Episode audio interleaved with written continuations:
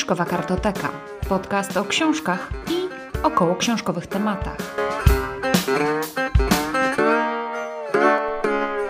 Cześć. Ja jestem Monika, a to jest podcast Fiszkowa Kartoteka, w którym mówię o książkach z mojej perspektywy. Dzisiaj opowiem Wam o książkach, które przeczytałam w listopadzie 2021, ale także o filmach i serialach, które w tym czasie obejrzałam. Przeczytałam zaledwie trzy książki i były to w chronologicznym porządku Najlepsze miasto świata, Zatracenie oraz Baśnie o wężowym sercu. Także zapraszam do krótkiej opinii na temat każdej z nich. Pierwsza książka, którą przeczytałam w listopadzie, to Najlepsze miasto świata, czyli Warszawa w odbudowie 1944-1949. Autorem tej książki jest Grzegorz Piątek, a wydało ją wydawnictwo WAB w 2020 roku. Jest to historia odbudowy Warszawy w pierwszych latach powojennych, e, po II wojnie światowej. Jest to historia ogromnego zapału, energii, umiejętności i zdolności organizacyjnych pierwszych architektów oraz pierwszych osób, które starały się odbudować państwo, nie tylko miasto, ale państwo.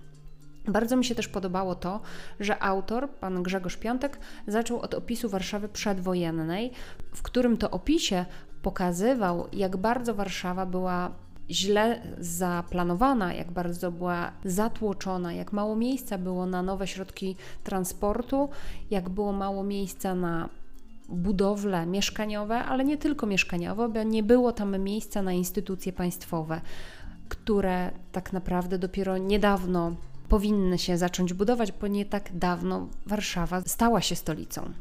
Dlatego ten pierwszy wstęp daje ogromny kontekst dla tego, jak zachowywali się architekci po II wojnie światowej, właśnie.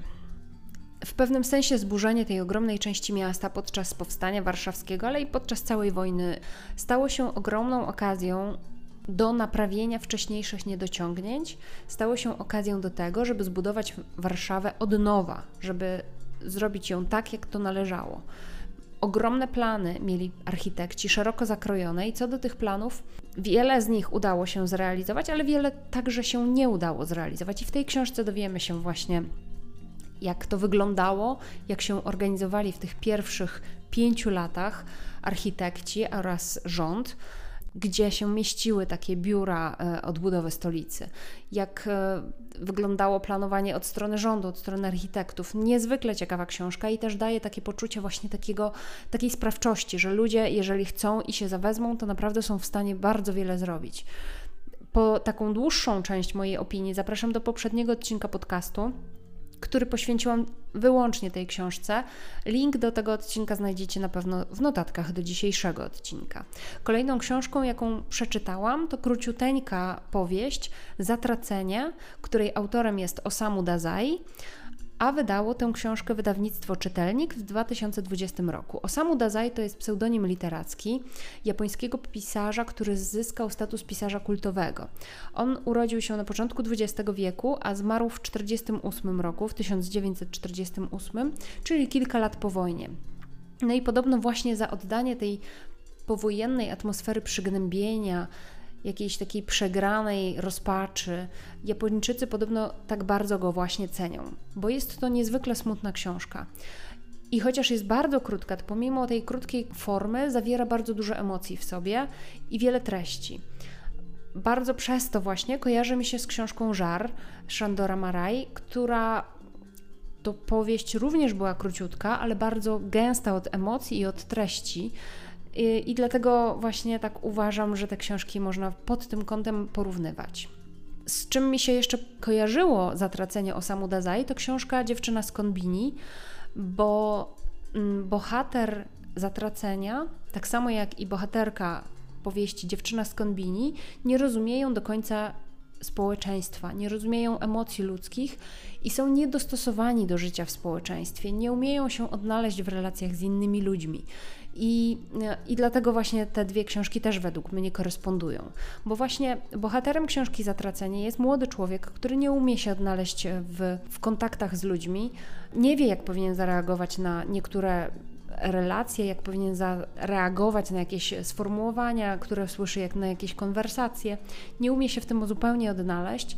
Ucieka, w takim wypadku ucieka właśnie od kontaktów z innymi ludźmi, bo boi się, że coś zrobi źle, że zrobi coś nie tak, że będzie źle postrzegany z tego wszystkiego jakby tworzą się kolejne problemy. To się tak jakby toczy jak taka kula śniegowa.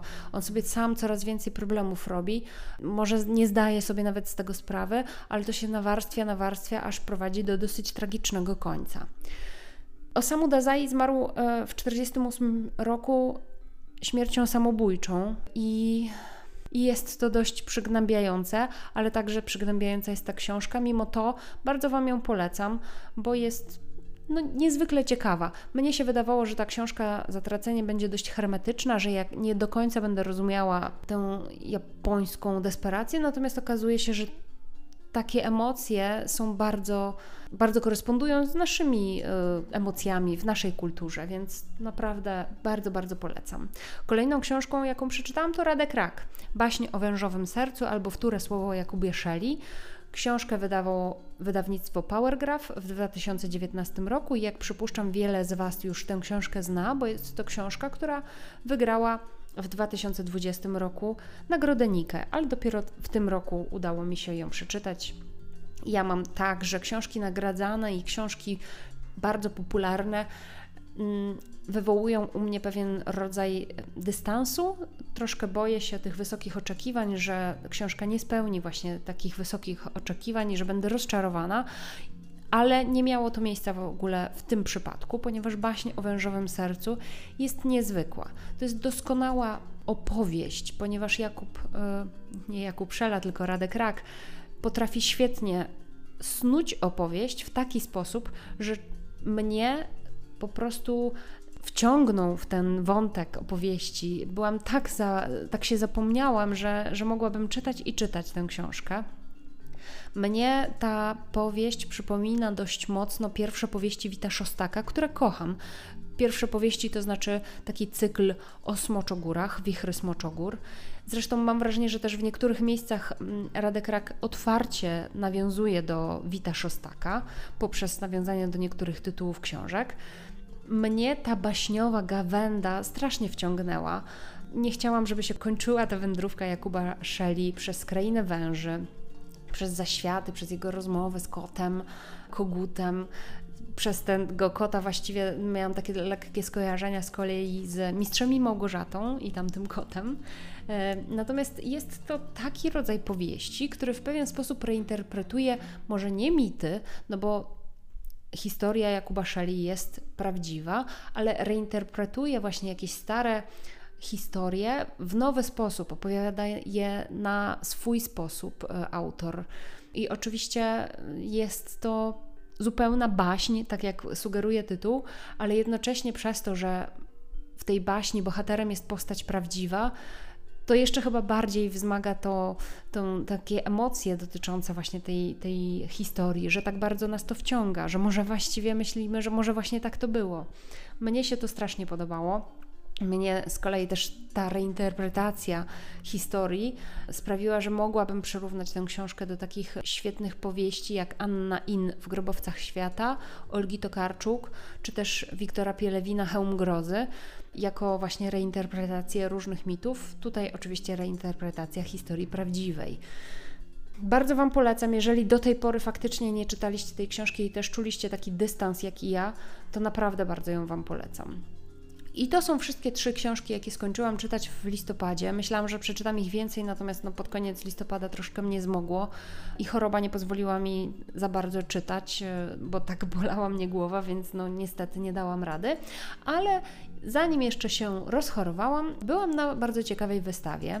Wystawa nazywa się Kosmosy i malarką, ponieważ jest to wystawa malarstwa, prac malarskich, malarką i osobą artystką, która wystawiała te obrazy, była Magdalena Skowrońska. Jest to bardzo młoda mm, malarka z łódzkiej ASP.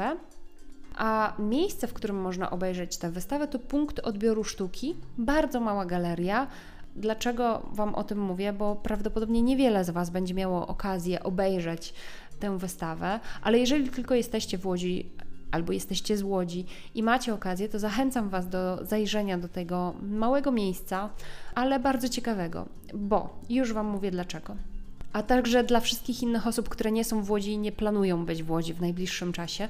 Po prostu zainteresujcie się galeriami takimi niszowymi, nie do końca najważniejszymi i największymi w Waszym mieście. Zainteresujcie się nimi, ponieważ naprawdę bardzo ciekawe wystawy, takie mm, małe, niszowe galeryjki organizują. Możecie poznać niesamowitych artystów, możecie poznać ciekawe dzieła, zobaczyć, czym żyje młoda sztuka jest naprawdę niezwykłe, jeżeli tylko interesuje Was sztuka, nie tylko nowoczesna, ale właśnie interesuje Was to, żeby pobyć z obrazem sam na sam, to w takich małych galeriach jesteście, macie przynajmniej taką szansę, że będziecie jednymi z niewielu odwiedzających.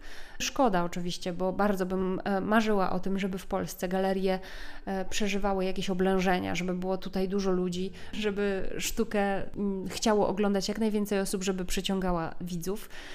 Ale właśnie dlatego warto też odwiedzić nieduże galerie, bo jesteście tam sam na sam z obrazem. Możecie poświęcić mu bardzo dużo czasu. Możecie sobie go obejrzeć z bliska, z daleka. Są to też właśnie często młodzi twórcy, więc macie szansę obejrzeć takie obrazy, które możliwe, że za jakieś kilkanaście lat będą bardzo znane lub artystów, którzy będą za kilkanaście lat bardzo znani. I ja na tej wystawie naprawdę świetnie się bawiłam. To był wernisaż, więc jeszcze dodatkowo posłuchałam trochę o artystce, zobaczyłam te relacje, jakie między młodymi artystami są. Dla mnie to było naprawdę bardzo odświeżające uczucie i bardzo Wam je polecam również. Więc rozejrzyjcie się po swoim mieście, po takich niedużych galeriach. A teraz dwa takie polecenia filmowe, ponieważ byliśmy na filmie French Dispatch e, Wesa Andersona, najnowszym filmie Wesa Andersona. I co Wam chcę opowiedzieć na ten temat? Uważam, że warto na niego pójść, chociaż słyszałam opinie różne, takie jak moja, czyli pozytywne, i takie jak nie moja, czyli raczej negatywne, ale dlaczego uważam, że warto iść e, na ten film? Jest to bardzo kolorowy, bardzo precyzyjny w takiej warstwie wizualnej e, film, niezwykle dopracowany, w którym każdy kadr niemalże mógłby się stać świetnym fotosem na ścianę, na jakimś plakatem. Cudownie się to ogląda. Ponadto obsada, jak zwykle w filmach Andersona, jest no, bogata, naprawdę. W najdrobniejszych e, rolach grają tu takie gwiazdy, jak chociażby Willem Dafoe, który był w dwóch scenkach dosłownie, więc tutaj naprawdę obsada, mm, warstwa wizualna są takie, że będziecie wzdychać i, e, i będziecie chcieli sobie wydrukować każdy kadr z tego filmu. Oczywiście nie wszystko tutaj gra ze sobą. Ten film to takie powiedzmy z grubsza cztery scenki, które są połączone ogniwem, e, jakim jest czasopismo, czyli tytułowy The French Dispatch, czyli po polsku kurier francuski. Każda z tych scenek to opowieść z osobnych działów czasopisma. Jest na przykład tutaj reportaż, dział reportażu, dział kultury, dział polityki i kuchni. No i są właśnie takie cztery historyjki z tych zakresów, z tych sfer. Natomiast jest to na tyle luźne, że uważam, że ten film świetnie by się sprawdził, przynajmniej dla mnie, jako taki miniserial, składający się właśnie z takich czterech e, części, może z pięciu, jeszcze na wstępie zakończenie to może z sześciu, maksymalnie z sześciu. Bo w takim nagromadzeniu, kiedy to wszystko było razem, a było takie nie do końca spójne, to mnie w pewnym momencie zmęczyło. Ale naprawdę warstwa wizualna jest tutaj, wiele potrafi zrekompensować, więc bardzo Wam polecam również ten film The French Dispatch. I film, który właściwie obejrzałam przed chwileczką, obejrzeliśmy dosłownie, nie wiem, godzinę temu, skończyliśmy, czyli film zatytułowany Król Davida Mishoda. Z 2019 jest to film. W roli głównej jest Timothy Chalamet i film można obejrzeć na Netflixie obecnie. Jest to dość długi film, ponad dwie godziny trwa, natomiast bardzo ciekawy, nie tylko w warstwie wizualnej. On jest w ogóle oparty na motywach sztuk e, Szekspira, e, dwóch sztuk, czyli Henryk IV i Henryk V. Dlaczego Wam polecam ten film? No jest to film o historycznych, prawdziwie istniejących postaciach, o Henryku IV i Henryku V, królach Anglii, w latach 1400 coś tam. I jest to historia o tym, jak właśnie Henryk V e, starał się zdobyć szacunek jako świeżo mianowany król, może nie tyle mianowany, co świeżo obsadzony król, oraz chciał zdobyć również dla siebie tereny francuskie. Nie dla siebie, tylko dla korony angielskiej. I co też jest tutaj cudowne, to to, że król i dwór fran e, francuski ani angielski nie są tutaj jakieś takie cukierkowe. To wszystko jest brudne, brzydkie. I, i, takie surowe. Reżyser nie starał się nam tutaj wygładzić tej XIV-wiecznej rzeczywistości. To wszystko się ciapie w błocie, to wszystko jest brudne i nieładne, ale przez to ten film dostaje takiej surowej urody, tak bym to nazwała. No i plus właśnie takie mm, konszachty polityczne, jakieś takie machlojki gdzieś za kulisami, a to za nawet za plecami króla czasami, jak się okazuje. Naprawdę bardzo dobry film. Jeżeli tylko macie dostęp do Netflixa, to bardzo go Wam polecam. Oczywiście jest duża szansa, że już widzieliście ten film, e, bo tak jak powiedziałam, on jest z 2019 roku, więc już trochę lat ma. Więc jeżeli go tylko widzieliście, to dajcie znać, jak Wam się podobał i czy uważacie, że Timothy Chalamet świetnie tu zagrał, czy raczej słabo. Bo ja uważam, że zagrał tutaj na dwóch minach na minie osoby, która ma pogardę dla swojego rozmówcy i na minie kurzonego dzieciaka. Ale może ja się czepiam, może ja po prostu jestem uprzedzona do tego aktora. Mnie póki co podobał się chyba tylko w jednym filmie, czyli Duna i tyle. Może w ogóle na tym polegało właśnie bycie królem, żeby udawać, że się ma wszystkich w pogardzie i ewentualnie drzeć reja na podwładnych. Nie wiem, może tak to wyglądało. W każdym razie, to Wam polecam. Jeszcze jest taki serial na Netflixie Arcane. On jest oparty na pewnej grze komputerowej. Jest to serial animowany. Jeżeli tylko macie ochotę, to bardzo Wam polecam, bo to jest doskonały serial. Doskonały pod względem wizualnym. Naprawdę wizualnie ten, ta animacja robi ogromne wrażenie, ale także w warstwie takiej emocjonalnej i fabularnej jest to bardzo ciekawa historia. Więc bardzo, bardzo Wam polecam. Tymczasem dziękuję za wysłuchanie tego Zapraszam na kolejne. Zapraszam na moje konto Instagramowe, gdzie znajdziecie mnie pod nazwą Fiszkowa Kartoteka.